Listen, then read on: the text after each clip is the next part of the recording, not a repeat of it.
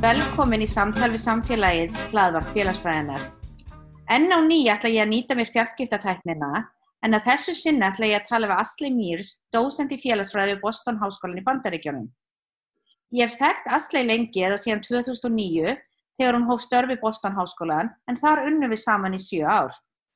En ástæða þess að ég ákvaða að tala við hana einmitt núna er að nýveri kom út önnur bók hennar hjá Princeton University Press en hún ber titilinn Very Important People, Status and Beauty in the Global Party Circuit. En þar fylgir Asli hinnum ofuríku og skoðaði hvernig þeir eittu peningum í skemmtanir og aðra hluti sem margir myndi kannski telja óþarfa með sérstakka áherslu á hvernig samband og staða kynjana er innan þessa hóps. Ég skipti nú yfir á ennsku. Velkom Asli. Hi, thank you. Thanks for having me. And congratulations on your second book. I'm very excited to read it. Uh, thank you. I briefly mentioned it in the introduction, but before we get into the details uh, of that, I wanted to start much earlier and ask you how you became interested in sociology and decided to become a sociologist. okay, great, thanks. So, um, so I had this awakening in college. Um, I took a social theory course, um, and that sparked my interest in you know thinking in structural terms. I come from the suburbs of Atlanta in Georgia, the southern parts of the United States, which is you know not not particularly uh, highly educated uh, family. I was you know first generation college students and um, i guess i saw the world in pretty individualist terms. And so you know, by I started taking sociology classes, if I may be honest, because um, I just thought they were easy, and so I was, and you know, the first couple ones I took really were, but then one just knocked my socks off. Not, I mean, it was hard, but just the the insight to to think structurally, uh, which really went against a lot of, of, you know like a more conservative milieu in which I had grown up. And then I took a sociology of work and occupations course upon changing my major from public relations, no less. So um, when I switched from journalism to sociology, I took the sociology of work course, and I had been uh, working part time as a fashion model um, in the small market of Atlanta, which is like catalog shoots and stuff at you know fashion shows at the mall. And then um, when I took the sociology of work and occupations, I, I was like, wow, that you know, fashion modeling is really fascinating as a form of work. And I, it was thinking about putting it in conversation already then with like Arlie Hochschild, um, and uh, that from there it, it became um, the idea was kind of born out of my undergraduate courses and that became the project that i proposed when i applied for graduate study and it ended up being my dissertation and then the, the book pricing beauty. Yeah and i think it's very fascinating to icelanders too and i have learned a lot about the modeling industry since getting to know you. And, Thanks. types of uh, modeling that there is. Uh, i think it would be fascinating for many if you talk about like modeling at the mall and things like that in Atlanta. Like, what were you doing? so the the interesting thing about the fashion modeling um, industry is that there's really two markets. There's the the editorial market, which is like the the high fashion, high end, um, new luxury um, brand houses when they show their lines on like the catwalk or like presented in the fashion magazines like Vogue worldwide editions. And then, so that's the editorial end of the market um, and then there's the catalog or commercial end of the market. And in the commercial end of the market it's much less about communicating brand and kind of stoking desires for aspirational consumption and it's much more about just moving products in like catalogs. And so atlanta is not known for its high end editorial fashion but it's a really great market for a lot of catalogs. And um, so a lot of the work that i was doing you know when i was 18 19 um, it, Atlanta has something called Show Week, where local designers will show their um, their designs, but the audience are not like the Anna Wintours of the fashion world. The audience are like buyers of boutiques down in like Florida, let's say, and so the, the you know the clothes are um, like pretty conservative and the the fashion magazines are more kind of lifestyle magazines in Atlanta. They cater to a you know certain kind of southern upper class identity. Um, and then there's just a lot of uh, like catalogs you know the stuff that comes in the mail even the television commercials for like the local department stores which are just you know had been folding but are now you know completely shuttering. Um, those those kinds of jobs were things that like would would be kind of exciting in the local Atlanta market. Like my parents would see it on TV, you know, or like friends from back home would see me in the mail, but nobody outside of the Atlanta market would know about that. And from this, you went to graduate school in New York and you said you proposed this as your topic and you sort of had an interesting access into that. Um, right, yeah so having having modeled in Atlanta when I got into graduate school, I, I knew I was interested in something around like gender and the body and and labor and fashion, but I didn't I didn't know exactly like how I would come at those questions. So my first year in grad school, you know, I was re- I had retired at that point at the uh, at the age of 23, which is quite old for a model for a woman, um, especially for a market like New York, which is much more uh, editorial, right? Not it's not just a commercial catalog like Atlanta. Um, so yeah, being retired at the age of 23, I was studying for my um, one of my social theory classes in my first year and i got recruited by a scout who you know came and started talking to me and telling me that oh you've got to look and you could be a model and so he wanted to present me to these different agencies in new york and i talked about it with my professors and they said yeah this could this could lead somewhere interesting you should do it and see if an agency is on board with the idea of of me working for them as a model but also doing this as field work you know with the condition of confidentiality. And so that's how i i had my uh, second life in the fashion modeling market but this time when i when i got back into the industry in New York, I mean, of course, it was a very different kind of market than Atlanta, but it was also a very different position because I was coming in as a sociologist, which made the experience much different than coming in trying to actually make a living as a model. And could you maybe tell me a little bit about what it was like, uh, and the kind of fieldwork that you were doing? Yeah, yeah. So, um, so one of the big takeaways of the of the book, you know, what I what I just said about, you know, um, I wasn't in a position of having to try to make a living of uh, as a model. One of the takeaways of pricing beauty is that that most models don't make very much money, especially not in the beginning when they're newcomers to the industry. In fact, m- many of them, most of them, have some kind of debt to their agencies. It can go up to like a, approaching twenty thousand dollars in debt because of visas and plane tickets and apartments and pocket money. Um, and so yeah, the, it's a very uh, it can be a very expensive job, and it can be a job in which um, in which the labor structure looks somewhat like indentured servitude because models are indebted to their agencies and they're trying to work that money back.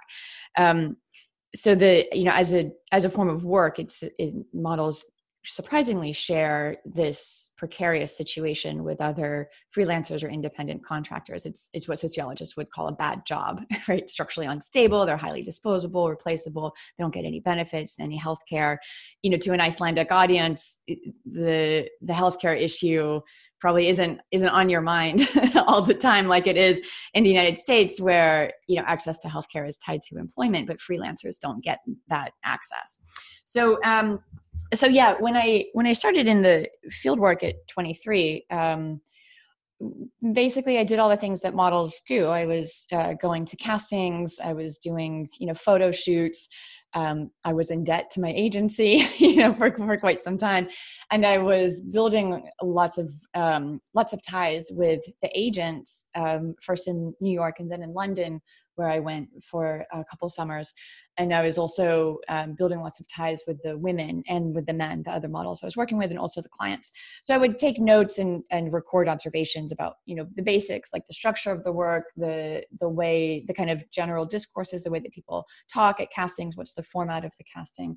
Um, and then that helped me establish a set of questions that I then went in and interviewed models and also the agents and also the accountants and also the clients um, questions that had developed out of the field work, um, like how do people experience this very precarious form of labor, and why do they commit to it when in you know when in fact the rewards financially anyway um, seem seem pretty meager and the odds are stacked against them.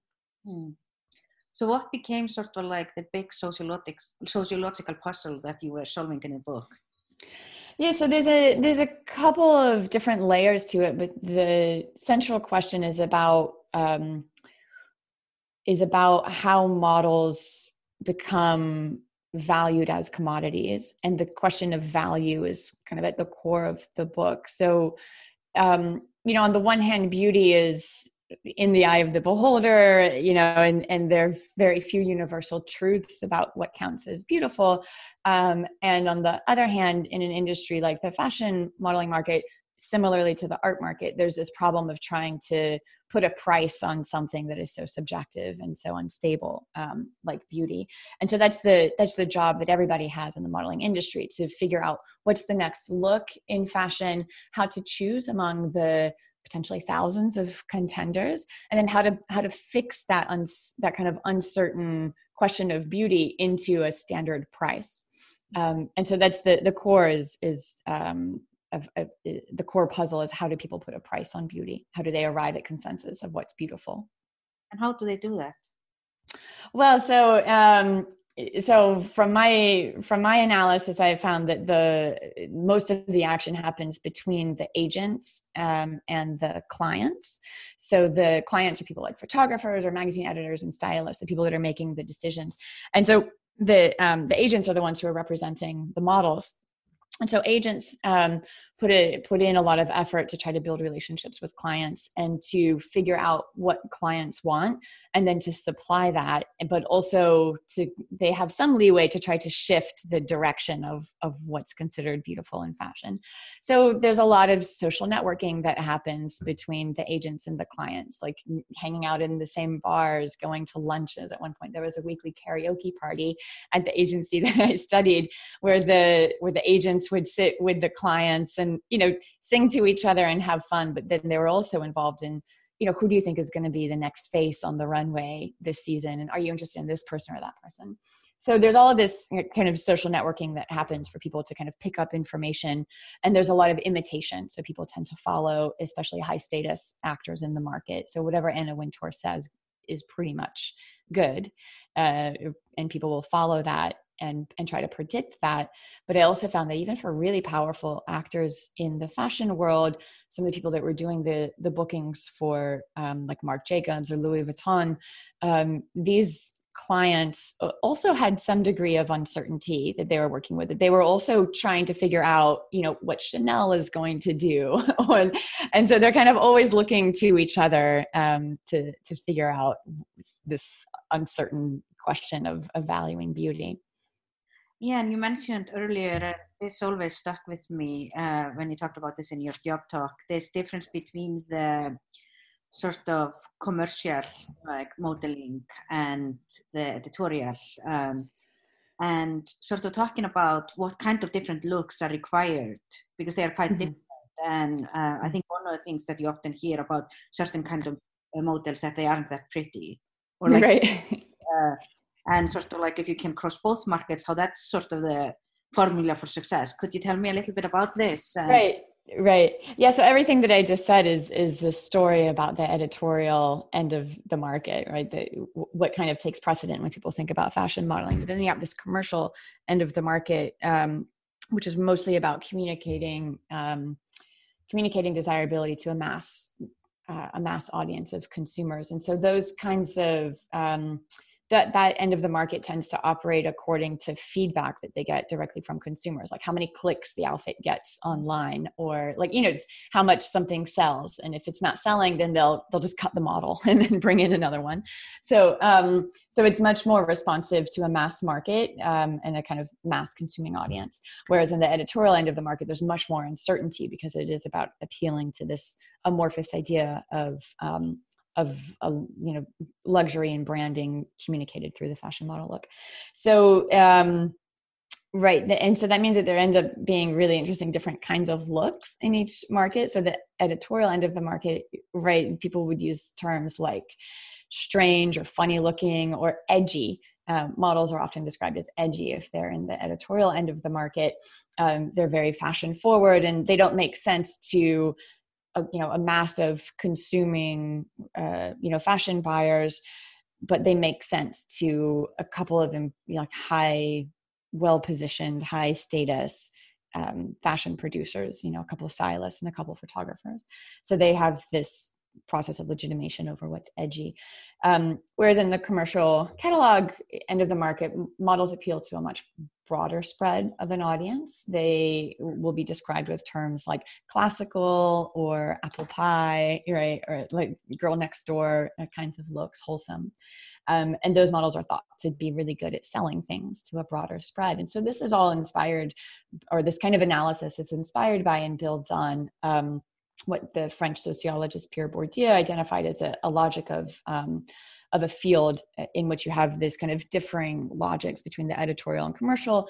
Bourdieu had studied um, the literary world, and he also studied um, haute couture and fashion, and so very similar dynamics are are at play here. And you know, one lesson that we could take from Bourdieu and his studies of these artistic fields is that the the greater the size and the variability or the social spread of an audience uh, for a particular work of art, the less value that art has. So the more people that get it, the less rarefied it is, and therefore the less valuable it is because things that are rare and things that are kind of esoteric um, have higher status and so that's true in the modeling world as well so the you know paradoxically the models that are making some of the most money at these agencies they're doing the commercial catalog jobs um, and they pay very well and they're working consistently, but they're not considered as high status. They don't have as much symbolic value as the model who maybe got the cover of some esoteric fashion magazine in London, but didn't get paid for it, right? So, like,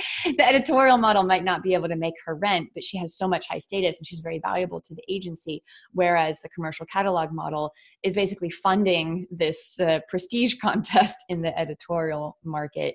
Um, and they were pretty resentful. The some of the catalog models that I spoke to, they're very well aware that that they bring in so much money to the agency and yet they're considered less exciting and less prestigious. Yeah, and I mean that was really fascinating to me because I mean I had assumed if you're at the cover of Vogue, I mean you're getting millions paid for that.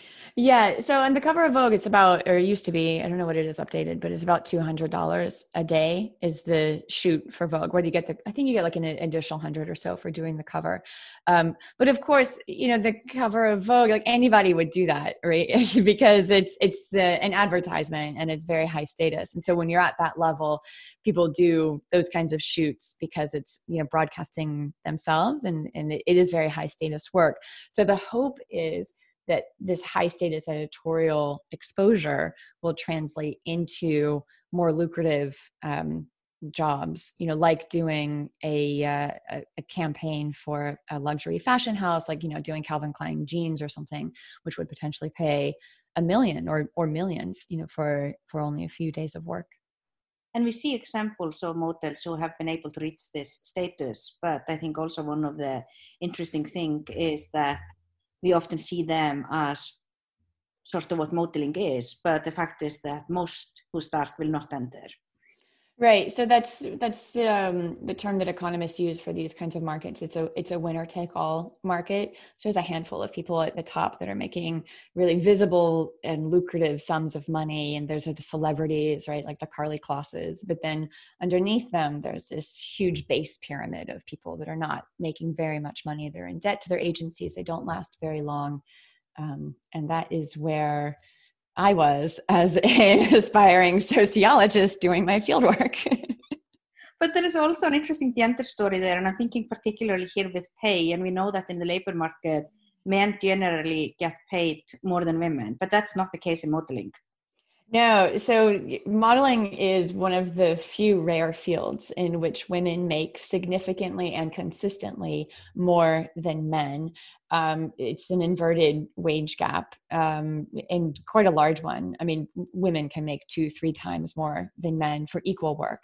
So um, when I when I did interviews with the agents and with the clients and also with the models everybody kind of understood this as like well of course like of course like it's beauty. Of course women should be valued more for their beauty and for their bodies. And so male models tended even to agree that they should be paid less than women.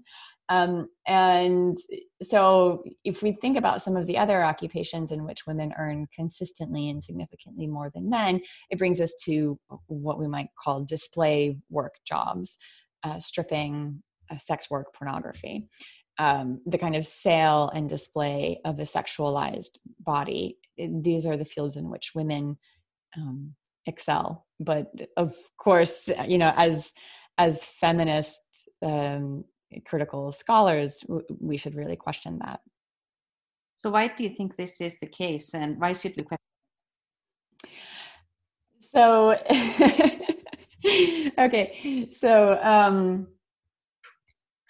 so in the in these kinds of fields in which women are um, really praised and, and prized for display of their bodies it's assumed that, that this is um, a field in which uh, women should be praised and prized. So this reproduces a kind of normative heteronormative male gaze in which women are objects to be looked at and men are the lookers yeah? And so male models i, I think are in a um, are in a weird socially awkward position of vulnerability because they are under the gaze.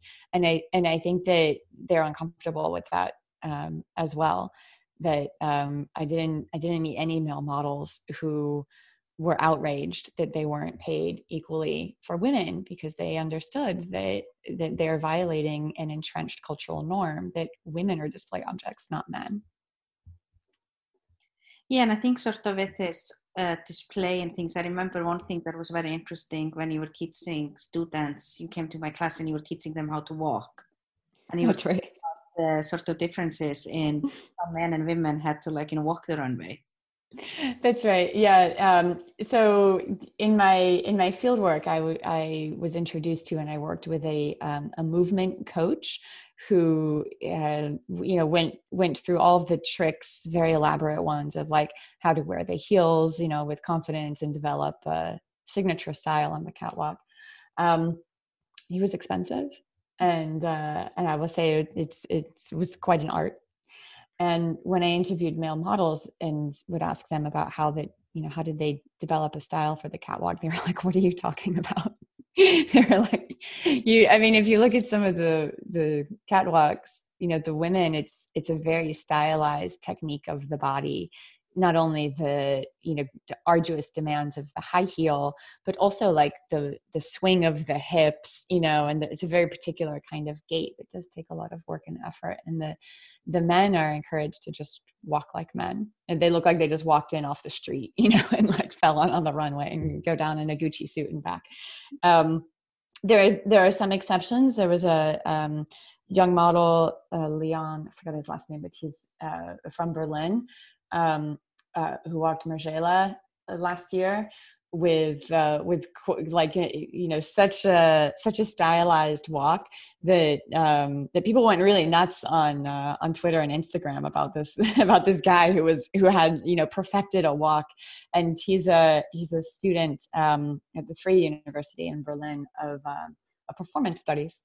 so, you know, I, I, suspect that he's, you know, probably read his Judith Butler and is and is trying to make some kind of parody or has thought about, you know, the uh, the larger performance of um, of masculinity. Hmm. And I want to move on to your new book, new exciting book that builds on some of this work. And um, you were basically observing the very rich. Um, and sort of like their lifestyle and consumption. Um, could you maybe start uh, by telling me who are these people and how did you get access to this world? Okay, yeah. So the the new book, Very Important People, uh, comes into the world of bottle service nightclubs, um, and clubs uh, host these parties around the world, following a jet set calendar of um, upscale events. So um, Cannes in May, St. Bart's in January, and in between there's all the fashion weeks and different kinds of film festivals.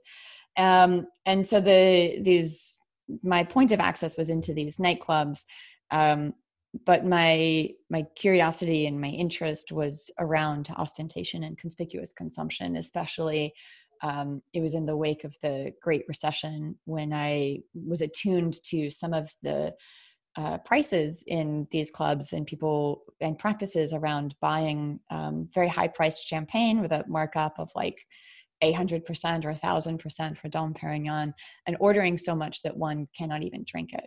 Um, they might shake it, spray it, pour it out, gift it. Um, and it comes out with fireworks. and so it's a very clear case of conspicuous consumption, right? In case you didn't know that somebody's bought like, you know, 80 bottles of Dom Perignon, they put fireworks on it. So, um, so I was really fascinated with this. I mean, it, for me, it's a case to think about ostentation um, and uh, ostentation and consumption in a time of extraordinarily unequal wealth concentration. Um, in which we've just we've seen the share of um, of wealth and assets among the top one percent or 0.01 percent really ballooned since the 1980s, and you know you can see this similarly in the uh, market for all kinds of luxury uh, goods like the art market um, or like the yacht market, um, but you the handbags, and you can also see it in markets for luxury experiences, right? So like hotel packages and casinos, and then the nightclubs is one case of that. And so I was really fascinated in this world. Um, and the way that I got access to it, so similar similar to the way that I got into the fashion modeling market, was I put on my high heels and I started going out. Um, and I went out with these um, people who are called party promoters, um, or or hosts, but we call I call them promoters. So they're they're hired on a contract basis by these clubs around the world to bring the kind of crowd that the club deems high quality, which comes down to women with beauty and men with uh, money. And the the beauty here is again def- defined in these very narrow terms by the fashion modeling industry. So the most highly prized women that they bring into um, that they host at tables for free over the course of the night at these parties um, are fashion models or women that can pass who look like fashion models. And there's all these different gradations that they have um, to indicate women's worth which is really pegged to whether or not they conform to looking like fashion models. That's like the singular metric of, of value for a woman in this space. And so, um, yeah, I was like 32, 33, uh, and I started I started going out with promoters. I started interviewing them during the day, kind of un- following their worlds as they're moving through um, cities like New York, and they're um, recruiting women. They're trying to identify women and then they're trying to build relationships with women to get the women to come out with them. Uh, and they're also doing this with clients uh, who are um, wealthy men. And um, and yeah i did this for about 18 months. And could you maybe tell me about a typical night that you experienced?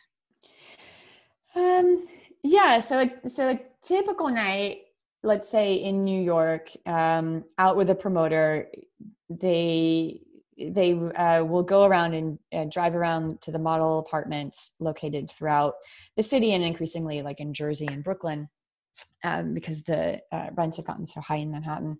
And they will uh, pick up uh, young women that are in this world ubiquitously referred to as girls. So if I use the language of girls, it's because I'm referring to the field site, um, but I, I use it with a lot of kind of awareness and criticism. But so they'll pick up the girls at 10 uh, and then they go for a dinner, uh, and the dinner will be comped, uh, which is compliments of the house because restaurants also stand to gain by having a crowd of good-looking women uh, in their at their tables. And uh, so there's a free dinner at a kind of upscale place in the meatpacking district around 14th Street on the west side of Manhattan. And then they'll go into a club around 12 and stay there until about 3. And the clubs are, you know, like a kind of typical uh, loud, dark, crowded.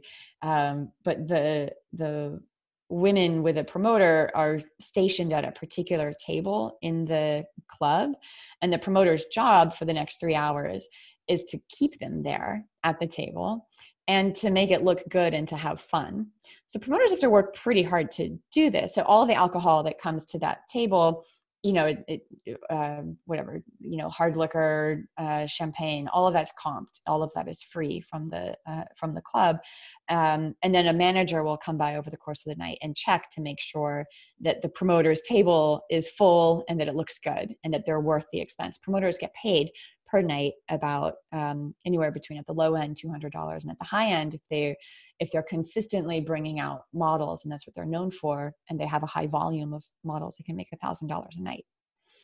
Um, the women don't get paid.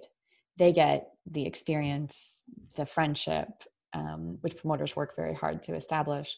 They get the free drinks and dinner which if they're newcomers to the fashion modeling industry is not not inconsequential because these are young women who might be in debt to their agencies and most likely can't afford to eat um, out in you know upscale restaurants.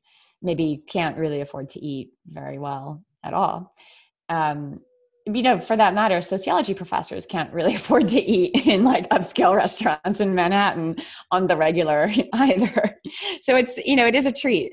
Um, but um, so yeah uh, then the evening ends around three in the morning and some promoters that are really really professionals they'll they'll drive the models home and take them back to the model houses in jersey or brooklyn. Um, and then you know they themselves go to bed around like 4 a.m at the earliest. Could be a lot later if they chase the after parties. And then they're waking up at around uh, like 11 at the earliest in the morning and then they begin the day by texting all of the girls that they know and trying to meet new girls uh, to bring them out the next night. So there seems to be a lot of effort and a whole lot of production. Uh, what is the point of all of this? Right. So yeah so for so there's multiple actors have have multiple interests uh, in being here. I guess you know the your your kind of broader question is probably about you know the sort of obvious answer is like well the, the clubs generate quite a large profit on this because the markup on bottles of alcohol is quite high um, and so the um, the night the nightclub industry has you know they're they're making pretty good money. Not now, of course, everything is frozen because of the pandemic, but they were. Um, and promoters uh, are also earning quite a good living. They're making upwards, like or close to two hundred thousand dollars a year, um, and a lot of that is cash.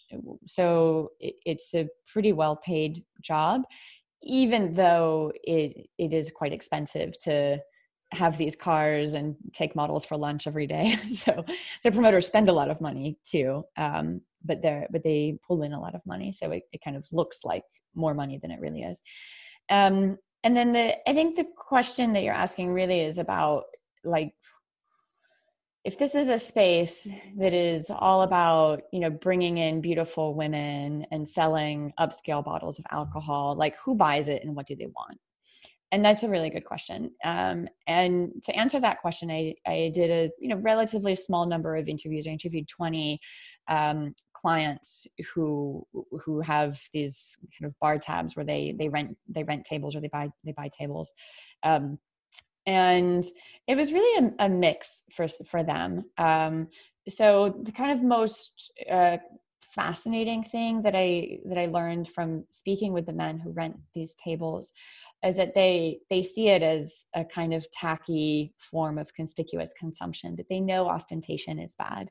They know that it looks tacky to go to a club where a bunch of models are hanging around and you know to buy $10,000 worth of champagne. They they see that that is silly. They know that it's against a widespread kind of cultural norm of of restraint. And you know it's the problem of status. Like it, it's not a good that you can buy without losing status. And so they understand that um, and uh, yet they do have a range of motivations. So some of them have a kind of pragmatic or practical orientation that they work in finance or they're involved in some ways in in um, financial deal making and these are spaces in which they can bond with other men that it's kind of just an industry norm that you go to these places maybe you could even write off some of it as a, a company expense right? So, like brokers and financial services. Um, that's one type. There's another type of uh, man who comes to these spaces um, kind of like for peacocking. Like like this is a form of of fun for them and their friends. They have a lot of disposable income um, and they'll get the pictures out of it. And this is a way to kind of perform um, you know being a big man in the anthropological literature or like you know being like a baller in the hip hop references it's just kind of a, it's a form of playing with status and and performing economic domination with the which clubs clubs do really well. They make it possible for um, you know a, a, rich person from any you know who, a rich person who wants to go and party can kind of walk into these spaces in Saint Tropez or Ibiza or Saint Barth or the Hamptons, and there's a there's a kind of stage that's already set, right? And they know what to do, and and it's celebrated, and it and it actually it it in the moment doesn't feel uh, so tacky in the moment clubs have a way of timing it and bringing out the sparklers in which people really celebrate and cheer and they lose themselves in that moment um, even though in the next day they'll talk about yes how tacky it is and you know i shouldn't have that was ridiculous behavior and you talked about these categories of women and how they sort of like rank them and name them in different ways um, and the same goes for males and i've heard you use the concept of a veil and sort of how the yeah organized. So maybe if you could tell us a little bit about those categories in the organization of the space, which is by no way random. That's right. Yeah. So, um, you know, if you were an outsider and you you kind of walked into one of these places, you might think that it just happened to be full of like the cities, you know, or the regions like best, uh, you know, like bunch of models um, and like really wealthy people, and they just happened to be there. But there's this kind of um, deeply detailed organization behind it. And so promoters are at the forefront of that. And I mentioned that their job is to bring in the so called quality crowd, which is a high volume of models or it's a high volume of women with a certain type of beauty and men with money. Um, but there are these fine gradations among that. So um, the most, the most, uh, some of the most valuable men in this space um, are called whales, which is a term you might have heard before in the financial world. I mean, these are people who make big speculative splashes with their money. Uh, they can spend upwards of 10,000, 20,000 in one night in Miami. I saw $200,000 worth of um, bottles being purchased that like nobody could drink because it was too much. So um, whales come through and they they make a big splash but they don't come through very often because they are highly mobile. They're kind of chasing this circuit of of leisure and parties but they're also doing business in lots of different parts of the world.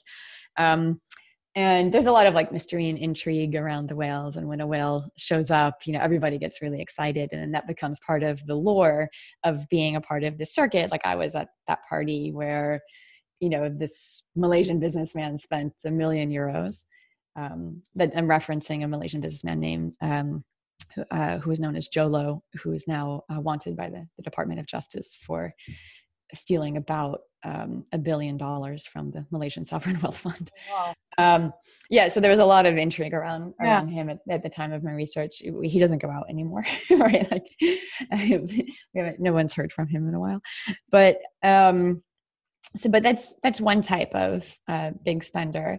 And then there are celebrities. Um, when celebrities come through they also are very exciting and people take you know people get excited and they take pictures and that becomes part of the lore as well. Celebrities interestingly don't spend that much money uh, when they go out because they're so valuable to the club the club will welcome them there and gift them champagne. Um, you know because celebrities certainly can spend money if they if they want to and that becomes exciting too when a celebrity buys a lot of stuff but but for the most part celebrities um, uh, get comped for free um, some clubs in vegas for instance will even hire uh, different types of celebrities to come to their clubs so people can take pictures and say that they were at the club where you know whoever was there you know like uh, even really like b-level celebrities like a Nicky Hilton type mm-hmm. um, yeah and then uh, the kind of bread and butter of the club are men who have some money not not this you know really high bar spends between two and four thousand dollars um, they'll rent a, a, table and spend in a single night and they come out consistently. So these are people who are um, kind of regulars of the scene who are going out on the regular people who are um, like affluent uh, tourists you know in addition to affluent businessmen and then there's men who are welcome to come in and buy drinks at the bar if they look cool and they keep the place from looking empty. So these are known as filler. So filler have a function. They don't have enough money to get their own table, so they have to stand, right? So their their economic inferiority is marked in the space and that they don't get to sit at the table um, but they're like keeping the dance floor full right? And and they, they, they provide a kind of energy to the night. And then people are generally excluded if they don't look cool enough and if they don't have any money uh, to spend. Um, and even if people have a lot of money to spend but they don't have the right look that the club is going for as a very kind of high end kind of kind of place uh, they might still be rejected at the door so that's the world of men.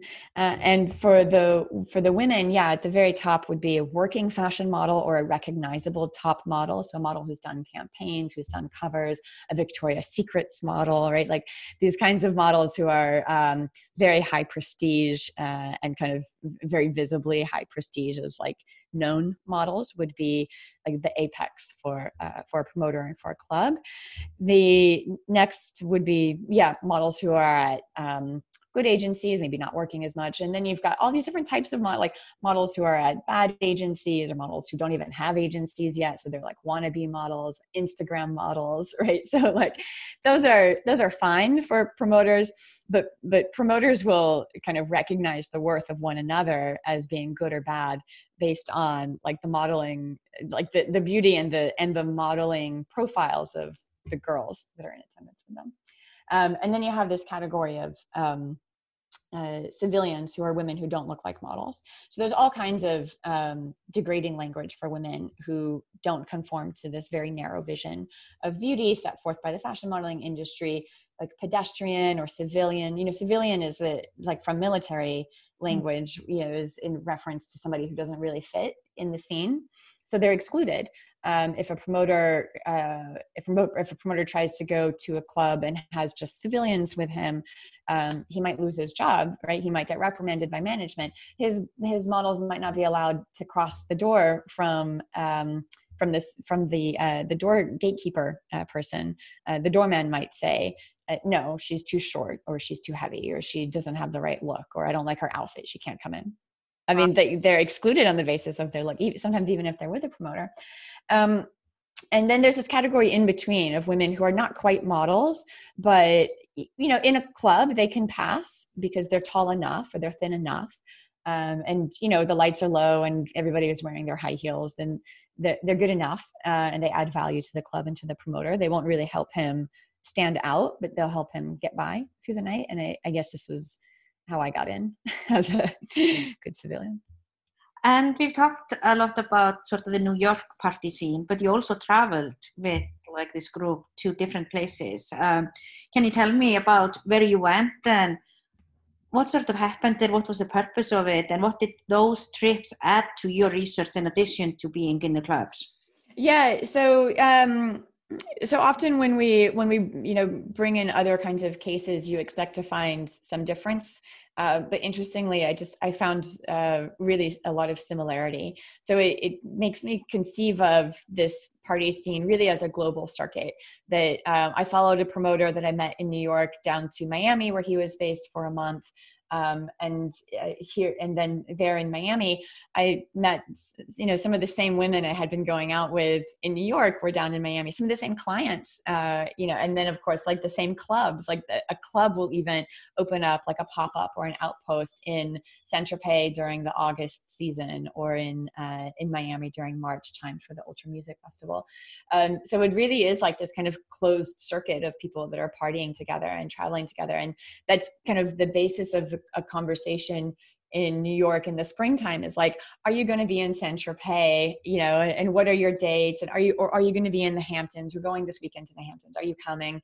So it, like everybody kind of sees the same places and they go to the same places uh, and they see each other. So that is a kind of interesting way to think about this new, um, or not really new, but it's a very mobile global elite that almost has a kind of reterritorialization in that they are um, they're hypermobile, but they're still they're still within their kind of closed world, kind of traveling together. And you can see this even in like some of the um, reports of like where private jets fly. Like when private jets are are going out you know they're like, like they follow a kind of circuit like everybody rents a jet to go to the g8 summit like at the same time right? Or, or all the or they have their own jets taken to the g8 summits um, so so there's that. I mean and it's pegged to these high profile events and experiences like the cannes film festival or the formula one or like you know um, a big party eh, or like a sporting event um, or art art basel. Any case so um, so there's this kind of insight about how the elite are very mobile. And in, it's also i think an interesting conversation for scholars of globalization because you know within the literature on globalization there's you know an, an emphasis on how the local still very much matters um, you know against this kind of top down view of the global. But i think that for for the economic elites for for some subset of the economic elite like they are they are operating at this like very global level and kind of hopping and and um, there's not there's not necessarily there's a disconnect from you know what's on the ground in the local so um so there's that and then your other question was yeah like so what are people doing in these spaces i mean so it, partly it's about leisure obviously because it's like you know clubbing and this experience um, partly it's about peacocking and kind of showing you know and performing um, economic privilege uh, and domination. I mean, I, I, think privilege isn't the right word. I really see the space as being a performance of domination. It's domination in terms of money, like I can spend more than you, and it's domination in terms of gender, like look how many beautiful women's bodies I'm surrounded by. Um, so, so yeah, uh, it has that function, and then it also has this other function um, of consolidating a kind of class belonging.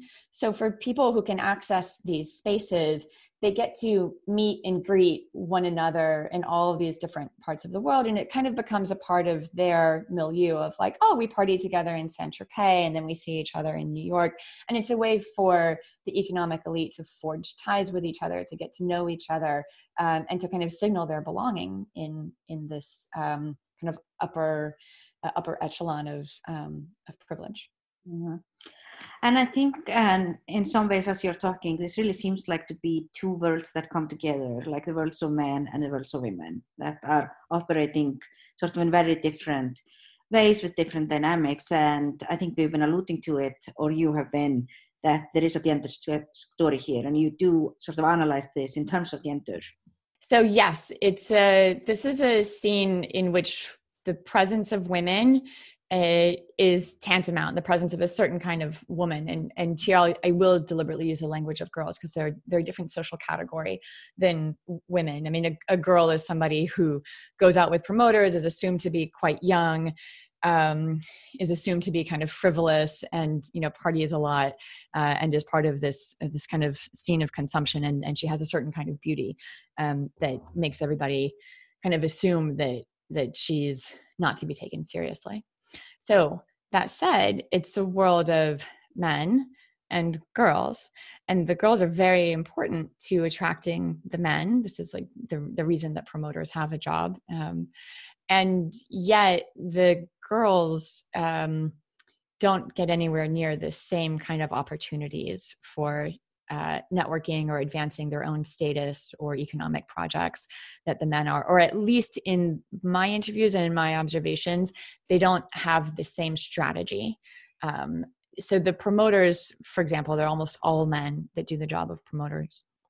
They are very strategic in meeting economic elites, building their Rolodexes of business cards, and scheming like how are they going to leverage their contacts with this billionaire family in order to open their own hotel or open their own restaurant or clubs.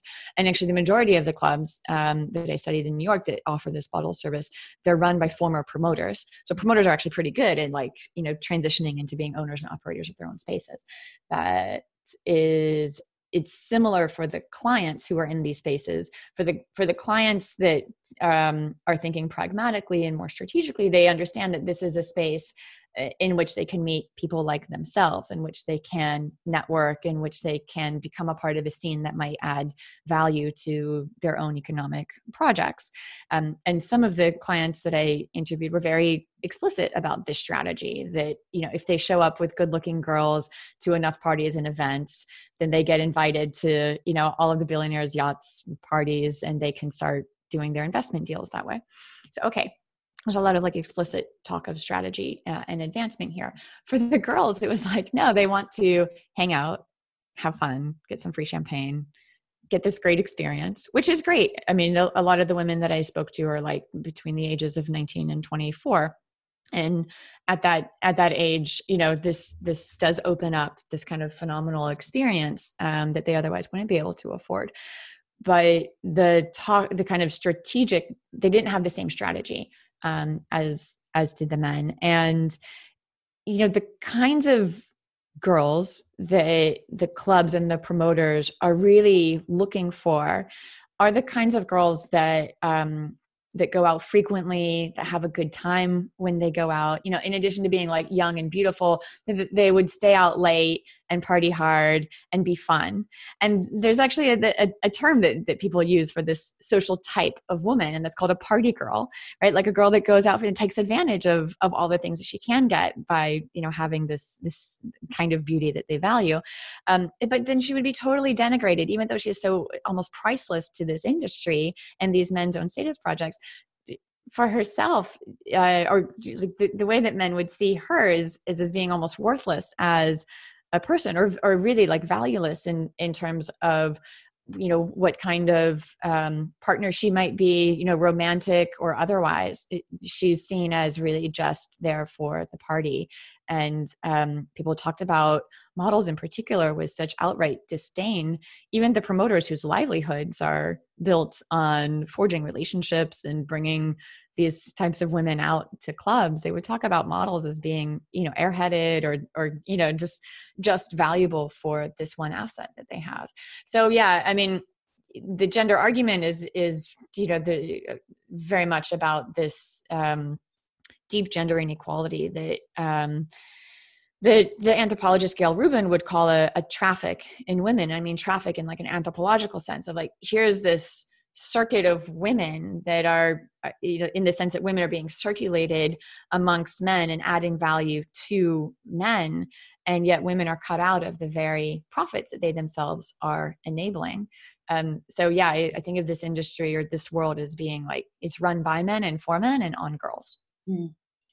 and you sort of mentioned relationships and finding partners. Um, i mean i think many would think about this scene as being relationship between men and women, whether it's romantic, sexual, long term, short term. Um, was that sort of like the purpose of it, or is it mostly to have a good time? Yeah, so it's not about the sex between the clients and the girls. People always think that, right? Like, um, promoters look a lot like pimps. They're very adamant that they are not that they that they don't engage like if like for sure hookups happen. Uh, i mean it isn't isn't a nightclub? Like sociologists call these sexual marketplaces for a reason so people hook up but promoters um, really distance themselves from making any money or any innuendo about money on those kinds of relationships. Um, so it's a there, this pool of girls is a pool of hookups for um, the clients, uh, but their main function isn't necessarily about hooking up. Their function more is to show status and to add ambiance to the night. Um, and to kind of add excitement by their what's considered you know extreme amount of beauty and and high status kind of beauty because it's tied to the fashion modeling industry which is very high status now so um, it's more about like the sexiness or like the sexual affect. It's not so much about the sex. And even for some of the biggest whales, they'll have this entourage of, you know, dozens of uh, girls that are brought there in, and sitting and standing next to them uh, with the promoter. And it, it's uh, it's too many. It's not about sex. It's, it's like far too many women than any any man could reasonably hope to have sex with right? Like the the music is loud. You can't even you can barely have a conversation or catch somebody's name. Um, it's more just about this experience of having a beautiful entourage and reaping status in the moment from that scene. Um, yeah so you know and there's another point about um, how uh, how relationships work among the upper class. So the kind of dominant take from demography is that people tend to sort with each other at the upper levels of the class hierarchy. So upper class people tend to uh, partner with similarly upper class you know, like upper class men will partner with similarly upper class women or similarly educated or you know have a similar pedigree or like family connections or occupational prestige so the uh, the partnering of like for example um, you know real estate tycoon with a Slovenian fashion model, it's actually quite the outlier, right? Like the Melania, the Melania uh, Knab story is is a is an outlier from the kind of typical partnering that we see among um, among the economic elite. And we've talked about a lot of interesting things, both in the data and sort of the larger picture. And maybe to conclude, what would you sort of see as the big sociological takeaway from the book and from your work? Um, okay, so and end with an easy question, Sigrun. um, well, I suppose from this project, one of the kind of early insights that jumped out at me and stayed with me um, is the ways in which women function as a kind of capital and that that beauty does function as a kind of capital. But in from this research um, it really is uh, much more valuable to men than it is to women themselves because of this um, inability of women to capitalize, the prohibitions on strategic women, um, the the kind of assumptions that come, uh, like negative cultural assumptions that get laid onto a woman if she is perceived as using her beauty for advancement. Um, so you know, I don't I don't know if it's like a really sh- it's kind of still developing as like an an agenda. I, I think that the, this question of like how valuable um, is is beauty and bodily capital and what are the kind of um, uneven terms of exchange and how does that work by gender i think those things still remain to be um, studied systematically but in in my work thus far i've i've seen it be pretty limited. And then maybe to conclude and conclude uh, what do you see as sort of the next steps? Um, like are you interested in following up on this kind of research or doing something completely different uh, yeah. Well, so right now we're doing. I'm doing interviews with um, with people who have recently become unemployed and have experienced sudden job loss, and themselves come from um, different kinds of precarious employment relations, uh, working as freelancers or independent contractors, uh, and comparing how how they experience sudden job loss with people who had more steady positions and like organizations as like salaried employees. This is work that i'm doing with graduate students. This is not not irrelevant for a discussion of like social science because it's related to method. So in the time that i conducted this research and then actually finished the book it, like quite a quite a long time um, passed. And it's because i had two kids and so now I have uh, two kids, ages five and two, and that really limits the kind of like immersive, in-depth field work one can do. And it, like shockingly, I never had this conversation with a mentor, and like never really thought about it in grad school. But if you train to go like all in as an ethnographer and be completely like you know immersed in the field, that really works if you're if your life is like set up in a certain way like it doesn't really work for women with young children. So right now i'm i'm shifting to uh, to research on interviews and also i'm shifting to research that's more team based so um so yeah co- collaborating um, with uh, with graduate students to do this kind of field work. Well and that's what we want to do as like you know we move on in our career you start to mentor the younger and the new generations. Yeah yeah i know. I, there there is a there's something about the the training in ethnography and the kind of model of doing ethnography that you really like it it is kind of idealized as this like lonesome endeavor where somebody like goes out into some foreign social world leaves everything behind gets really in and then comes back you know having been the like gang leader for a day or the boxer or the model or whatever. Um so i i think i'm trying to to reimagine ethnography i'm in this weird career moment of having to really rethink like what what there are lots of ways of doing ethnography for sure and the way that i've done it you know i always thought was superior, but actually it, it was just one of many possibilities. Well, I think we'll just have to have you back on the podcast uh, in future or uh, when my kids are grown up and have left the house. ethnographers. Uh, but, yeah, thank you so much for taking the time to with us today. It was great to talk to you as always. Yeah, it was great to talk to you too. Thanks, Sigrun. Thank you all for listening.